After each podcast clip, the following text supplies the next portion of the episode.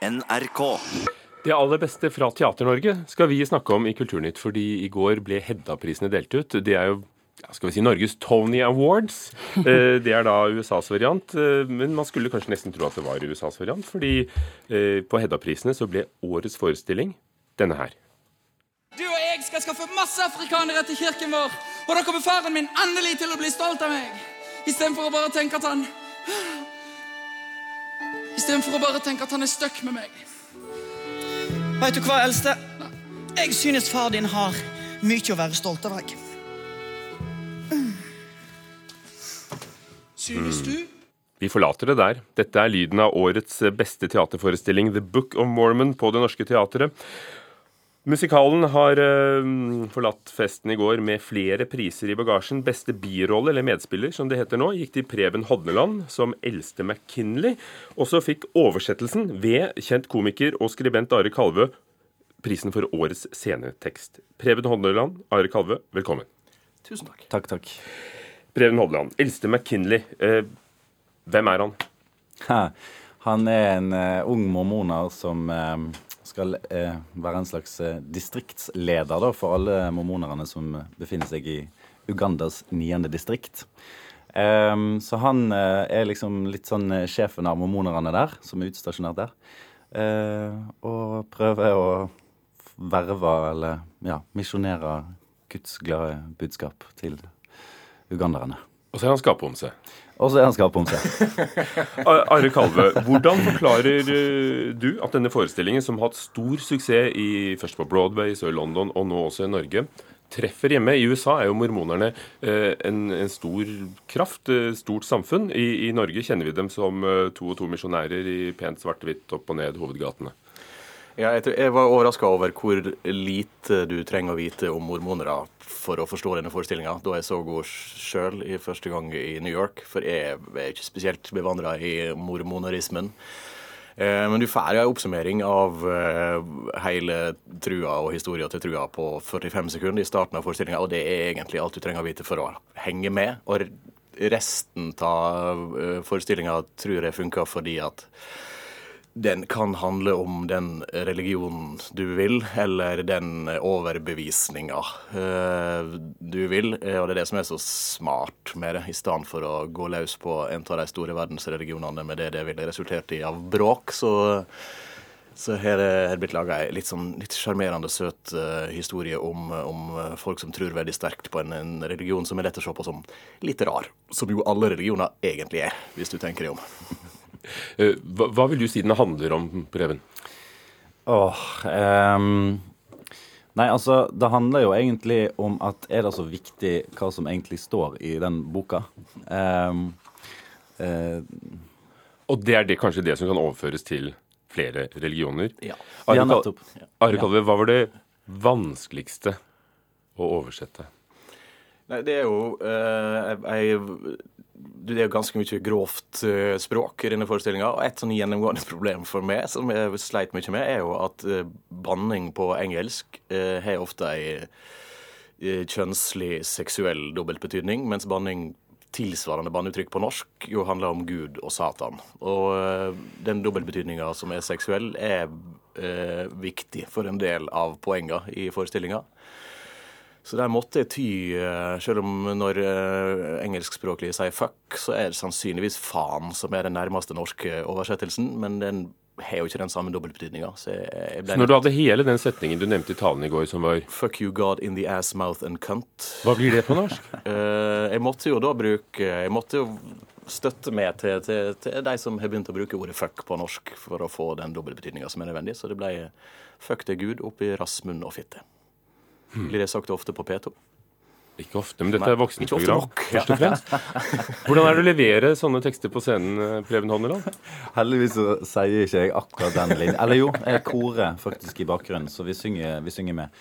Ehm, og da pleier jeg å stå i vingen på scenen og se ut på, eh, på publikum. Og det er utrolig gøy å se den utrolig ambivalente reaksjonen de har på den linja der. Eh, Du sa i går eh, i takketalen din at å stå på scenen i The Book of Mormon er en fest hver eneste kveld, og det er ikke vanlig. Hva er det som gjør det til en fest? Hva er det som gjør at dette, det sitter?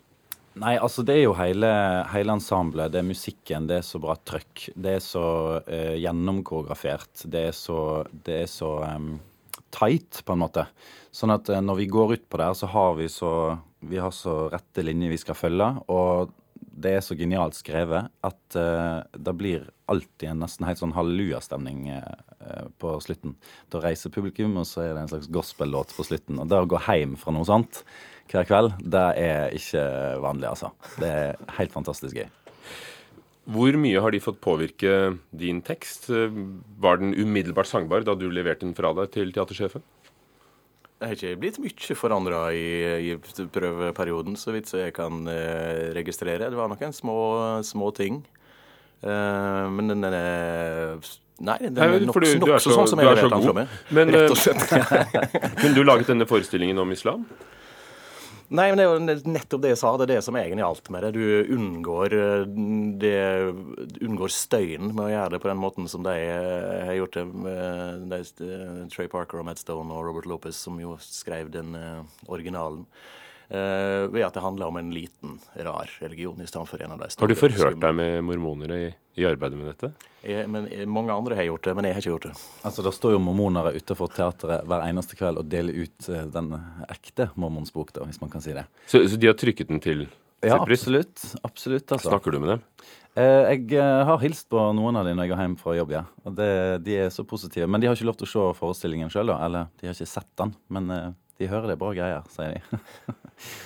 Eh, hvilke tanker gjør du deg om at du da ble beste medspiller, som det heter? Birolle mm. kalte vi det før. Hvilken, hvilken rolle er det, å ikke være, å ha hovedrollen? Eh, en fantastisk deilig plass å ha i et ensemble eh, på, på scenen. Så, mm, og så er det jo det var, Jeg måtte gjøre mange ting som jeg ikke helt eh, kan, på en måte. Og da var det helt fantastisk å ha resten, spesielt av disse mormonergutta, med store steppenummer og mye, mye, greier man skulle lære. Og de er så drita gode, og da var det veldig stas å få stå der med de.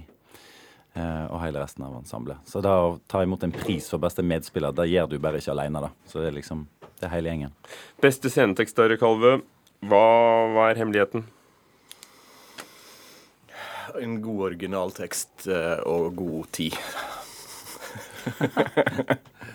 Takk skal dere ha, Ari Kalve og Preben Hodneland, som begge var eh, med på at eh, The Book of Mormon ble årets forestilling under Hedda-prisene som ble delt ut eh, i går. Og det var mange priser, vi skal innom flere av dem. Men for å begynne der vi slapp, Book of Mormon, årets forestilling. Karin Frøsland Nystel, vår ja. teaterkritiker. Det Norske Teatret fikk åtte priser. Hva er forklaringen? Hvorfor får Det Norske Teatret så mange priser? Nei, Det tror jeg handler om vågemot. Det Norske Teatret er et teater som som tør veldig mye, og som tør å gjøre prosjekter som har en stor fallhøyde. Og ofte så går det veldig bra. Uh, og det viste jo Hedda-prisutdelinga i går òg. Um, så det er liksom det teatret der det skjer, syns jeg. Og det, sånn har det vært over lengre tid. Svein Tindberg, kjent skuespiller, har regi på forestillingen utafor. Mm. Hvorfor fikk den uh, pris som beste ungdomsforestilling, og, og, og Tindberg for særlig kunstnerisk innsats? Den handler om, eh, om utaforskap, som tittelen òg sier. Eh, Svein Tindberg har fått med seg um, unge mennesker som har stått i en storm, tidligere radikalisert ungdom. Ei som har overlevd Utøya, og en som er jøde. Og de bærer utrolig sterke historier som går rett inn i den tida vi lever i nå. Og det lages veldig få forestillinger for ungdom som faktisk treffer, som faktisk berører. Inn i det livene som ungdom der ute lever nå. Og, og utafor gjør på en eller annen måte det. Det er dokumentarisk teater. Det er ikke skuespillere som står på scenen. Men de har historier som ungdom, eh, og for så vidt voksne òg, eh, i dag kan skrive seg sjøl inn i. Som gjelder deg, og det gjør den til årets beste ungdomsforestilling. Årets beste barneforestilling var 'Tobias og dagen det smalt' på mm. Hålogaland teater. Er det, er det en forestilling med samme med samme evne til ja, å gå inn i tiden? Ja, det, det, er litt av det samme. Den handler òg om utenforskap. Den, den, tematiserer mm, kjønnsidentitet og det å ikke være det ene eller det andre. Og Utafor og Tobias og Dagen det smalt er, er, sånne forestillinger som barn og unge trenger i dag. Som er igjen som de kan skrive sine historier inn i. Og det, det trenger det framtidige teaterpublikummet. Eller du sier, de er jo teaterpublikummet nå, men de trenger akkurat de historiene, det mener jeg. Ragne Grande, ble beste kvinnelige skuespiller for sin rolle i 'Glassmenageriet' på Trøndelag Teater. Herman Sabado ble beste mannlige skuespiller som prior i 'Engler i Amerika', en annen stor forestilling tatt fra USA. Si noe om ham, er du snill. altså, 'Engler i Amerika' det var jo en rollefest. Det var jo helt strålende ensemblespill. Altså virkelig en skuespillerfest, spør du meg. Ågo Senstad fikk prisen for beste medspiller kvinnelig for ja. mange roller i den også. Og vel fortjent. Eh, Herman Sabado, det er første gang jeg har sett sett han få lov å spille ut så mange sider av, eh, av det han kan. Altså, det er så mange nyanser, det er så mange detaljer, det er så mange skift og det er så mange måter å spille på i, i denne forestillinga. Så det han gjorde i 'Engler i Amerika', det var det mest fantastiske i året som gikk. Johannes Holmen Dahl, pris for beste regi for 'Glassmenageriet' på Trøndelag Teater nettopp. Ja, og, og, han er en regissør som vi kommer til å, å se mye til framover. Han har en sterk og tydelig signatur, og han har en evne til å jobbe fram tekst på en måte som jeg nesten ikke har sett noen andre regissører gjøre. Han gjør nesten teksten til en karakter i seg sjøl som står på scenen. Så vel fortjent òg altså til Johannes Holmendal. Vi fikk ikke snakket om alle prisene, men takk skal du ha. Karin Frøsland Nistel, vår teaterkritiker. Det skal handle om en ny bok som eh, skal hjelpe barn og unge med å lese og skrive, for det er nemlig ikke en selvfølge for mange. Elin Nattås lærte selv å skrive først da hun var 35 år gammel, ordentlig. I dag er hun spesialpedagog og har skrevet boken 'Hvordan fatte norsk'. Se der. Én er det en kant der? Fire. Ah, og da heter det Firkanta form. Fantastisk! Dette er Elin Nattås. Hun jobber som spesialpedagog og privatlærer for barn som sliter med læring. Her hjelper hun åtte år gamle Stina med både matte og norsk ved hjelp av en metode hun skriver om i den nye boka hennes 'Hvordan fatte norsk'. Nattås slet lenge med skrive- og lesevansker selv, og mener denne boka er selve nøkkelen til hvordan flere skal slippe å slite med det samme. Veldig veldig mange barn gleder seg til å begynne på skolen, for de skal lære å lese, skrive og regne. Og så går ikke dette så bra. Én ting er da hvis du får en dysleksidiagnose, så er det litt mer sånn opplest og vedtatt i dag. At jeg har dysleksi, jeg. Sant? Og det har jeg også hatt.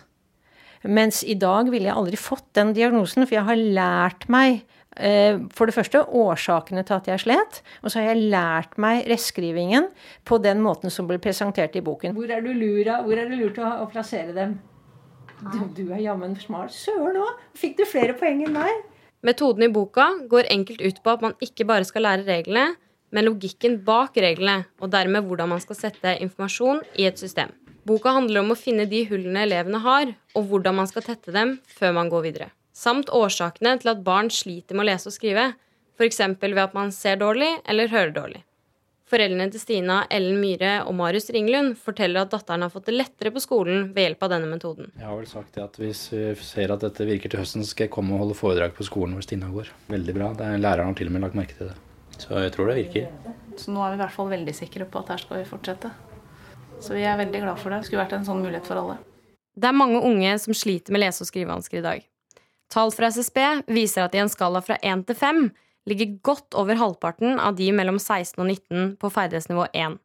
Det vil si kun basisferdigheter som å lese et avsnitt eller sette sammen en enkel setning. Sølvi Ellefsen er seniorrådgiver og logoped i statlig spesialpedagogisk tjeneste. Hun mener at det som er viktig for å hjelpe de med lese- og skrivevansker, er å få til en kombinasjon med å øve på ferdighet og kompensere for vanskene, og at her har teknologi kommet inn som et godt nytt hjelpemiddel. Og så må vi også tenke på at de elevene må få lov til å kompensere for vanskene sine. Og Det handler om å jobbe rundt vansken, Det handler om at de skal få kunne tilegne seg kunnskap uten at lese- og skrivevansken skal hindre dem i det. Og Der er jo teknologien kommet så langt nå at det er veldig mange gode muligheter. Og da skulle ønske at skolene var enda bedre på å, å se de mulighetene og kunne bruke de pedagogisk i skolehverdagen. Veldig mye av lese- og skrivevanskene mener jeg er helt unødvendig. Hvis man bare vet hva man skal gjøre, og starte jo tidligere, jo bedre. Ikke vent og se. For du får sår på sjela di. Og det unner jeg ingen barn. Sa spesialpedagog Elin Nattås, som ble intervjuet av vår reporter Kaja Marie Andreassen.